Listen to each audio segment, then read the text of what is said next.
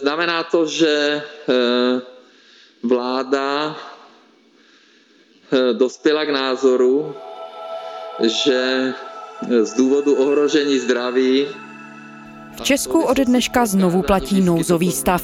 Vláda v demisi ho vyhlásila na 30 dní. Reaguje tak na zhoršující se epidemiologickou situaci. Od dnešního poledne měla mít země původně nového premiéra. Z plánovaného jmenování předsedy ODS Petra Fialy ale sešlo, jelikož byl prezident Miloš Zeman, jak vyšlo najevo po natočení dnešní Vinohradské 12, opět hospitalizován. V ústřední vojenské nemocnici skončil kvůli nákaze koronavirem. Jeho veškerý program se tak odsunul. Nejen jmenování předsedy vlády, ale i schůzky s kandidáty na ministry, jež se měly odehrát během příštích dvou týdnů. Jak může covidovou situaci zkomplikovat prodleva ve jmenování kabinetu? Co všechno víme o tom, kudy chce nová vláda Česko z aktuální vlny vyvést? A jak moc zajedno je Fialův tým s dosluhujícím kabinetem Andreje Babiše z ANO ohledně řešení pandemické krize? Je pátek 26. listopadu. Tady je Lenka Kabrhelová a Vinohradská 12. Spravodajský podcast Českého rozhlasu. Petr Hartmann, komentátor Českého rozhlasu Plus. Dobrý den, Petře. Dobrý den. Petře, Předsedu ODS z koalice spolu Petra Fialu dnes čeká jmenování premiérem. Během příštích dnů pak chce prezident vést rozhovory s kandidáty na ministry, tak aby mohla vzniknout celá vláda. Jednoznačně největší výzvou pro ní bude hned v úvodu, když bude nastupovat k moci COVID, aktuální pandemická vlna. Tenhle týden jsme se dozvěděli trochu víc o tom, jak chce Fialův kabinet tu situaci řešit. Když se na to díváte z nějaké trochu vzdálenější perspektivy máme teď víc jasno o tom, jak ta nová vláda k situaci přistupuje a jaká řešení chce volit? Tak o něco jasněji máme, ale pochopitelně je velmi rozmlženo to, jak ty obecné návrhy pak uvede v praxi do konkrétních kroků a to z toho důvodu, že i když se hovoří o tom, že máme novou vládu, tak ji ještě nemáme, protože nebyla jmenována a znamená to, že i když vláda Andreje Babiše je v demisi, tak stále vládne a stále zodpovídá za chod této země, mimo jiné jiné zodpovídá za to, jakým způsobem stát, vláda bojuje s šířící se koronavirovou pandemí a je zvláštní a trochu kuriozní jednak to, že mnoho lidí to vnímá tak, že za ten boj proti koronavirové pandemii je nyní spíše zodpovědná nastupující fialová vláda než ta současná. A pak dalším takovým paradoxem je také to, že když většinou země stojí před nějakým zásadním problémem a je v vážném ohrožení, jsou v ohrožení životy tisíců lidí, tak by se předpokládalo, že politici přestanou být politiky a začnou být státníky. To znamená, že krátkodobé své zájmy dají stranou a budou se snažit nalézt dohodu na tom, jak právě těm problémům čelit. No a když se podíváme na tu realitu, tak jsme sice svědky toho, že vláda přijímá různá opatření, že nastupující fialová vláda seznamuje veřejnost tím, jak by se mělo postupovat v boji proti koronaviru, ale když potom to konfrontujeme, ty jednotlivé přístupy, tak tam často nacházíme diametrální rozdíly a problém je v tom, že zkrátka neexistuje na některých věcech schoda, která by být měla nalezena a mohla být nalezena. Neměl by to být zas tak až neřešitelný problém, ale ukazuje se, že zkrátka politici v České republice to momentálně nejsou schopni. A nejsou toho schopni tedy i přesto, že Česko prochází podle některých odborníků zatím možná nejdivočejší vlnou pandemie, kdy ta čísla nakažených jsou v tuhle chvíli rekordní a rychle se plní i nemocnice, plní se zdravotnické kapacity. Když se, Petře, podíváte na to, a teď já vím, že mluvíte o té podivné situaci, kdy tu panuje jakési ani ne dvojvládí, prostě je tu vláda v demisi, která stále má zprávu země v rukou, zároveň je tu vznikající nová vláda. Když se podíváme na ten její přístup, přestože tu plnou zodpovědnost zatím nemá v rukou, co o něm tedy teď v tuhle chvíli víme? Víme víc o tom, jakou cestou chce Česko z pandemie vést? Tak právě, že o tom úplně nevíme. Jediná schoda panuje v tom, že je důležité očkování, že se lidé mají očkovat, ale problém je v tom, že odcházející vláda pod vlivem té reality, kdy skutečně ještě existuje velká část lidí, kteří se očkovat nechtějí, tak začala uvažovat o tom, že očkování by mělo být povinné a tvrdí, že bude připravovat kroky k tomu, aby skutečně povinné bylo. Očkování proti COVID-19 by mohlo být pro lidi nad 60 let povinné. Návrh podle premiéra v demisi Andreje Babiše z Hnutí Ano podpořila Rada vlády pro zdravotní rizika. Očkovat by se museli taky lidi v některých vybraných profesích. Vláda uvažuje o zdravotnících, sociálních pracovnících nebo i policistech a hasičích. Roz... Povinné očkování bylo předmětem debaty na včerejší vládě a my o tom mluvíme už nějakou dobu a na včerejší vládě eh, jsme uložili eh, ministru zdravotnictví Vojtěchovi, aby jeho rezort předložil co nejdříve, jaké eh, profese by se povinně očkovaly.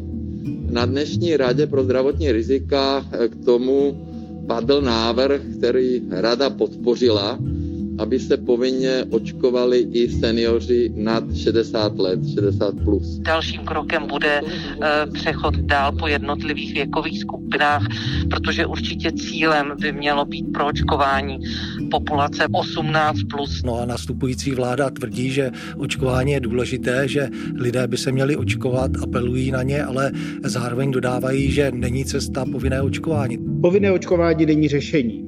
Povinné očkování ještě více rozděluje společnost. Povinné očkování je eh, selhání systému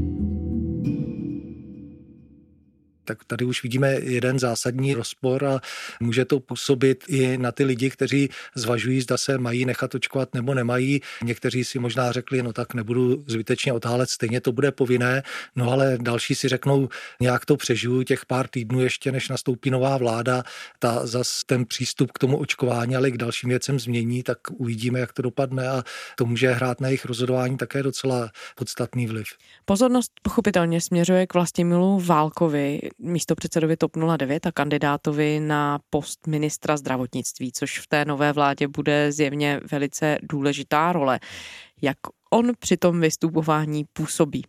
No tak jeho problém zásadní byl v tom, že nejprve se spekulovalo o tom, že bude ministr zdravotnictví, on to nepotvrzoval ani nevyvracel, takže to bylo v takovém vzduchoprázdnu a počítalo se s tím, že by tedy tím ministrem zdravotnictví měl být a proto byl také různě dotazován na to, co si myslí o koronavirové pandemii a o tom, jaký čelit. A zároveň jsme byli svědky takové absurdity, kdy Andrej Babiš vyzval nastupující garnituru, aby třeba pan Válek nahradil pan pana Vojtěcha, že by odešel na diplomatický post do Finska, že by se ujal funkce. Takže já bych chtěl pana profesora vyzvat. Já jsem se domluvil s Adamem, že on 1. listopadu skončí.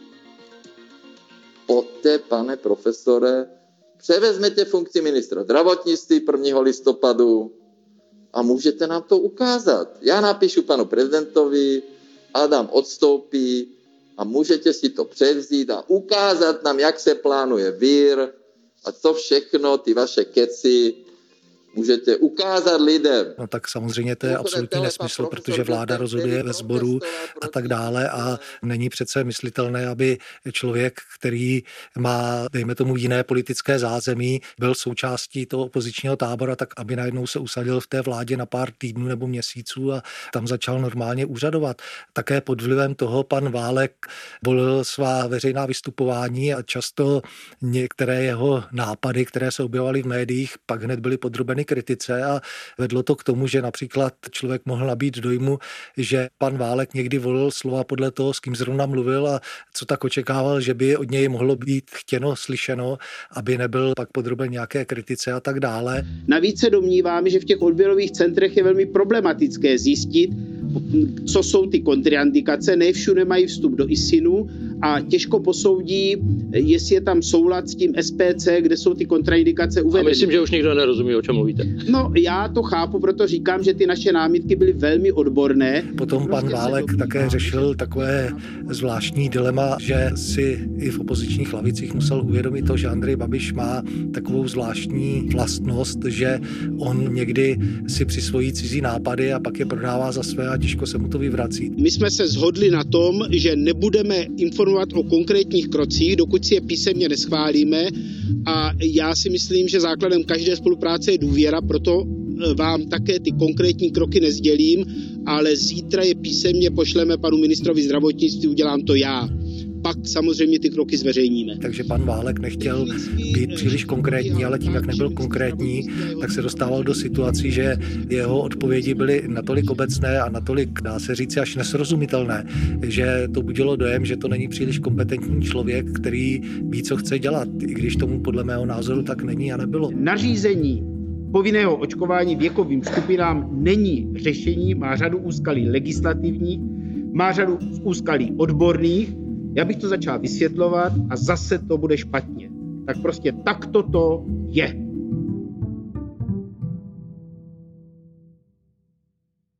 Takže dá se říci, že pan Válek ještě než nastoupil do funkce ministra, tak si trošku poškodil pověst právě neobratnou komunikací, protože podle mého názoru, když člověk ještě není v té funkci a nemůže reálně rozhodovat, tak tam nejdůležitější není to, co dělá, ale to, o čem mluví a jak komunikuje s tou veřejností. No ona se dokonce objevila v médiích nebo i na sociálních sítích debata, zda Vlastimil Válek nebude odvolán z toho ještě nejmenovaného kabinetu dřív, než vůbec ta vláda začne úřadovat. Budí jeho vystupování natolik velké rozpaky nebo otazníky, že by pro Petra Fialu skutečně mohlo být jednodušší vlastně milá válka ještě někým nahradit. A je vůbec kým? Tak kým by asi bylo, i když zrovna post ministra zdravotnictví není to nejžádanější křeslo i v minulosti, kdy jsme žili v dobách klidných, nekovidových, tak se ministři dost často měnili, protože ve zdravotnictví na sebe narážejí různé, často velmi protichůdné zájmy a minister to nemá jednoduché. A v současné době je to ještě složitější, ale právě ty úvahy o tom, zda by pan Válek neměl skončit dříve ještě než začal, tak jsou absurdní a dokazují právě absurdnost té situace, proč on by měl končit za to, že poněkud nešťastně komunikoval s veřejností, když potom i v těch už dalších dnech a týdnech se ta komunikace přece jenom částečně lepší a je zřejmé, že skutečně pan Válek má určitou představu, jak by se proti té koronavirové pandemii mělo bojovat a až ta realita, kdy se ujme té funkce a kdy bude moct ty kroky učinit a bude za ně plně zodpovědný, tak potom je možné hodnotit ho, jestli je dobrý nebo není dobrý minister zdravotnictví zdravotnictví. Takže je to skutečně, dá se říci, ukázka názorná toho, v jaké absurdní době žijeme, kdy zbytečně se protahuje střídání vlády kdy odcházející garnitura nemá už příliš zájem vládnout a jak zásadně a razantně dopředu řešit problémy s koronavirovou pandemií a řeší je až následně, když už nemá zbytí. Prezident Miloš Zeman na vlastní žádost opustil ústřední vojenskou nemocnici v Praze. Hospitalizovaný byl sedm týdnů. Ústřední vojenská nemocnice v tiskovém prohlášení uvedla, že Miloši Zemanovi dál doporučuje hospitalizaci, ale protože se jeho zdravotní stav významně zlepšil, jeho rozhodnutí opustit nemocnici a věnovat se ústavním povinnostem respektuje. Pan prezident nebude podléhat žádným tlakům, postupuje efektivně, pečlivě a zodpovědně ve vztahu k celé republice, která čelí mnohým obtížím a ta nastupující garnitura neustále opakuje, že je připravena vládnout, že je připravena i bojovat s tou koronavirovou pandemií a nemůže se dostat k moci, protože zde máme pana prezidenta, jehož zdravotní stav není úplně jednoduchý a který si chce dopřát ten rituál, který je pochopitelný, to znamená hovořit s ministry, s kandidáty na ministry a tím pádem se zdržuje to jmenování nové vlády, což v tuto chvíli není zrovna vhodné. Ta nastupující vláda ještě v roli opozice a teď stále zůstávám u covidu. Často kritizovala dosluhující vládu Andreje Babiše za chaotický přístup, za malou spolupráci s odborníky z různých částí spektra vědy a různých oborů během té pandemie.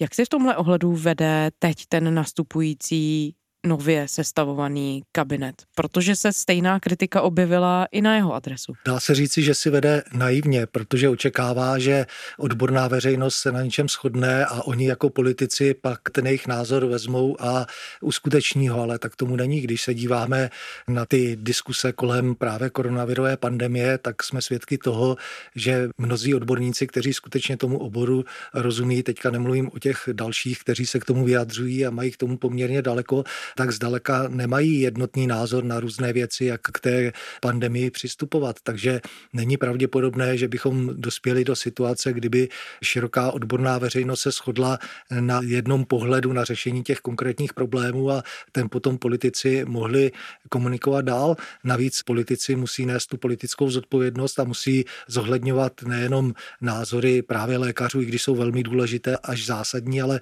musí také přihlížet na, dejme tomu, nálady ve společnosti, na ochotu té společnosti dodržovat různá opatření, musí brát v potaz ekonomické souvislosti, souvislosti i mezinárodní a tak dále. Takže je to daleko složitější věc a pokud tedy nastupující vláda vytváří dojem, že ona to bude dělat lépe, protože se dohodne s těmi odborníky a pak už bude znít jeden jasný názor na to, jak postupovat proti koronavirové pandemii, tak se v následujících měsících poměrně rychle přesvědčíme o tom, že až tak jednoduché to není. No a rozumíme tomu, co vlastně ta nová vláda akcentuje, když se na to díváme z nějakého, řekněme, ideovějšího hlediska. Je to veřejné zdraví, nebo je to ekonomika, nebo je to svoboda jedince, nebo je to naopak soudržnost toho kolektivu té společnosti jako takové. Víme, kudy, podle jakých os se vlastně ta nová vláda chce upírat? No, ono se to úplně oddělit nedá. Dámy a pánové, dobrý den. My jsme vás sem pozvali dnes proto, abychom vám představili naši strategii boje s covidem, naši strategii, kterou nyní prosazujeme, ale i strategii, kterou chceme prosazovat od vytvoření nové vlády, do jehož čela bych měl být v pátek jmenován. A když jsme sledovali tu tiskovou konferenci, tak tam zazněly různé výroky, které už jsme slýchali v minulých měsících z úst představitelů té odcházející vlády, ať už se to týká apelu na lidi, aby omezovali sociální kontakty, jak se ukázalo, tak pokud nedošlo k nějakým drastickým omezením života v této zemi, tak sociální kontakty se dobrovolně příliš neomezovaly. My vyzýváme občany, aby minimalizovali počty sociálních kontaktů. Je to na každém z nás. Každý z nás může udělat velmi mnoho pro to, aby se ta situace zlepšila. A to velmi mnoho je snížení sociálních kontaktů. Pak můžeme doufat, že ta situace se zlepší v daleko rychlejším horizontu, než když budeme ty opatření vyžadovat direktivně. Ten princip, který jsme představili, spoléhá na to, že v České republice žije naprostá většina odpovědných lidí, kteří jsou z to sami přemýšlet o tom, co vlastně COVID znamená, jakým způsobem se šíří a jak se tomu sami mohou bránit. A pevně doufáme, že i díky těm krokům, které jsme jako konkrétní představili, zabráníme eh, představě toho eh, generálního lockdownu, který nechceme.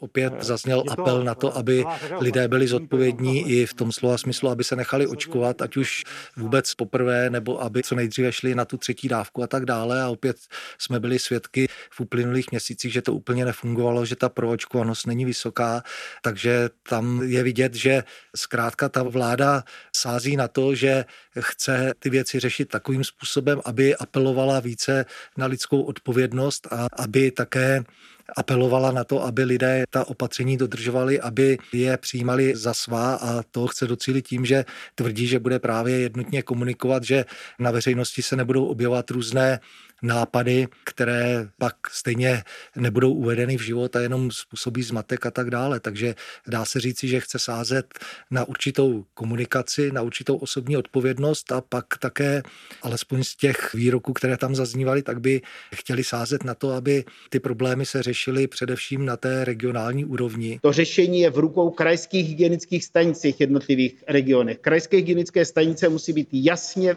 metodicky vedeny hlavní hygieničkou, ale rozhodovat musí podle epidemické situace v těch jednotlivých krajích, vydávat včas rychlá opatření tak, aby se zabránilo vždycky zhoršení té situaci v tom kraji.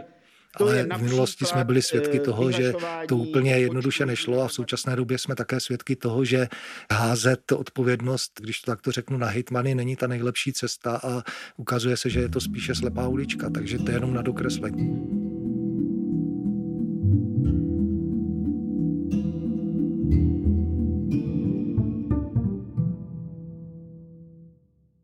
No to se dostáváme k nějakému možnému podtónu v tom, jaký je teď to řeknu anglickým slovem, ten leadership, to vedení, jaké nabízí jednotliví politici nebo vůbec možná vláda v tomhle případě jako celek tou pandemí. Tak když se díváme na to a možná můžeme i porovnat s dosluhující vládou Andreje Babiše, tak jak se v tom ukazuje to vedení toho nového nastupujícího kabinetu? Protože některé ty věci jsou opravdu v docela dramatickém rozporu.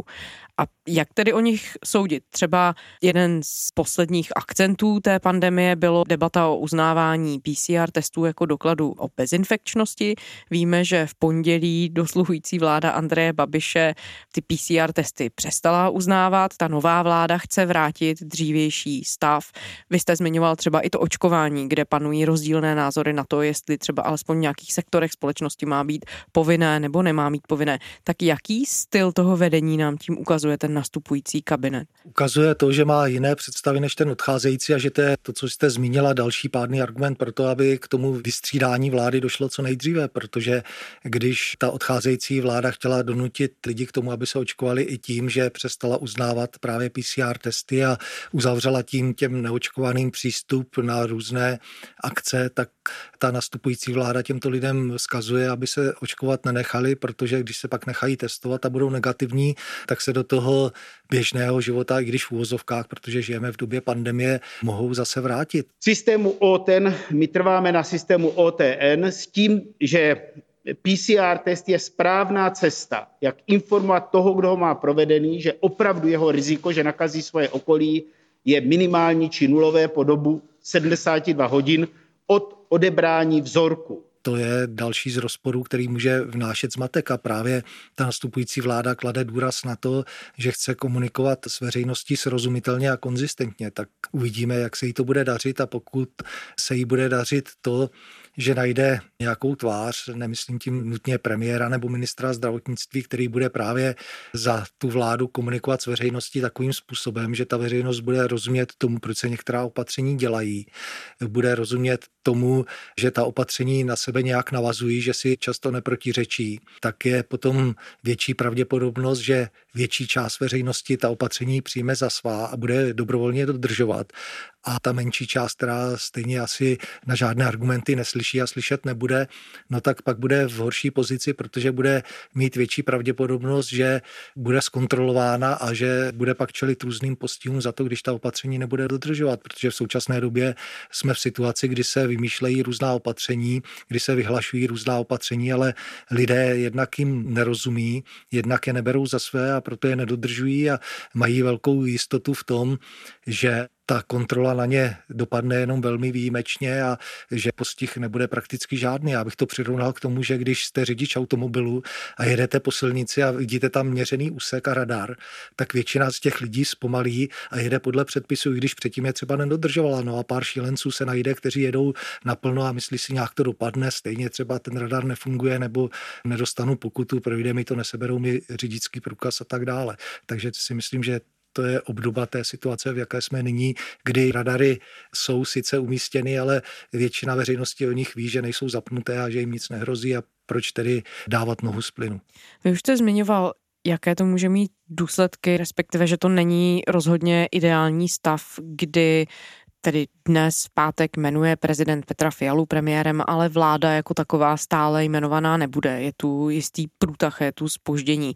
Když se na to díváte perspektivou toho, v jaké situaci to zanechává vlastně celou českou společnost ve chvíli, kdy tedy se tu pandemie šíří velmi rychlým tempem. No tak právě proto by ta vláda měla být jmenována co nejdříve a pokud budeme svědky jednak dlouhých vyjednávání mezi premiérem a prezidentem, pokud bychom se například dočkali i kompetenční žaloby kvůli tomu, že by prezident odmítal jmenovat nějakého kandidáta a tím znemožnil de facto jmenování celé vlády, no tak ta situace se bude prohlubovat v tom slova smyslu, že veřejnost nebude vědět, komu má důvěřovat. Už se objevují ostatně v různých diskusích názory lidí, že je nezajímá, co rozhodne tato vláda, protože ta už stejně skončila, je v demisi a že si počkají na to, co rozhodne ta vláda nová. Takže to je právě předpoklad k tomu, aby i když ta opatření budou smysluplná, tak aby je určitá část veřejnosti nepřijala za své, i když by je třeba přijala v momentu, kdyby zde byla normální vláda, která už má perspektivu toho, že bude fungovat i v následujících měsících a že tedy ta opatření, která přijímá, tak nebudou záhy a radikálně měněna. Petr Hartmann, komentátor Českého rozhlasu Plus. Petře, děkujeme za rozhovor. Pěkný den. A to je zpáteční Vinohradské 12 vše. Děkujeme, že posloucháte. Kdykoliv se za námi vraťte i o víkendu. Naše epizody najdete na serveru iRozhlas.cz a také ve všech podcastových aplikacích. Všechno rozhlasové audio najdete v aplikaci Můj rozhlas. A ještě naše adresa. Psát nám můžete na Vinohradská 12 zavináč rozhlas.cz Lenka Kabrhelová. Těším se v pondělí.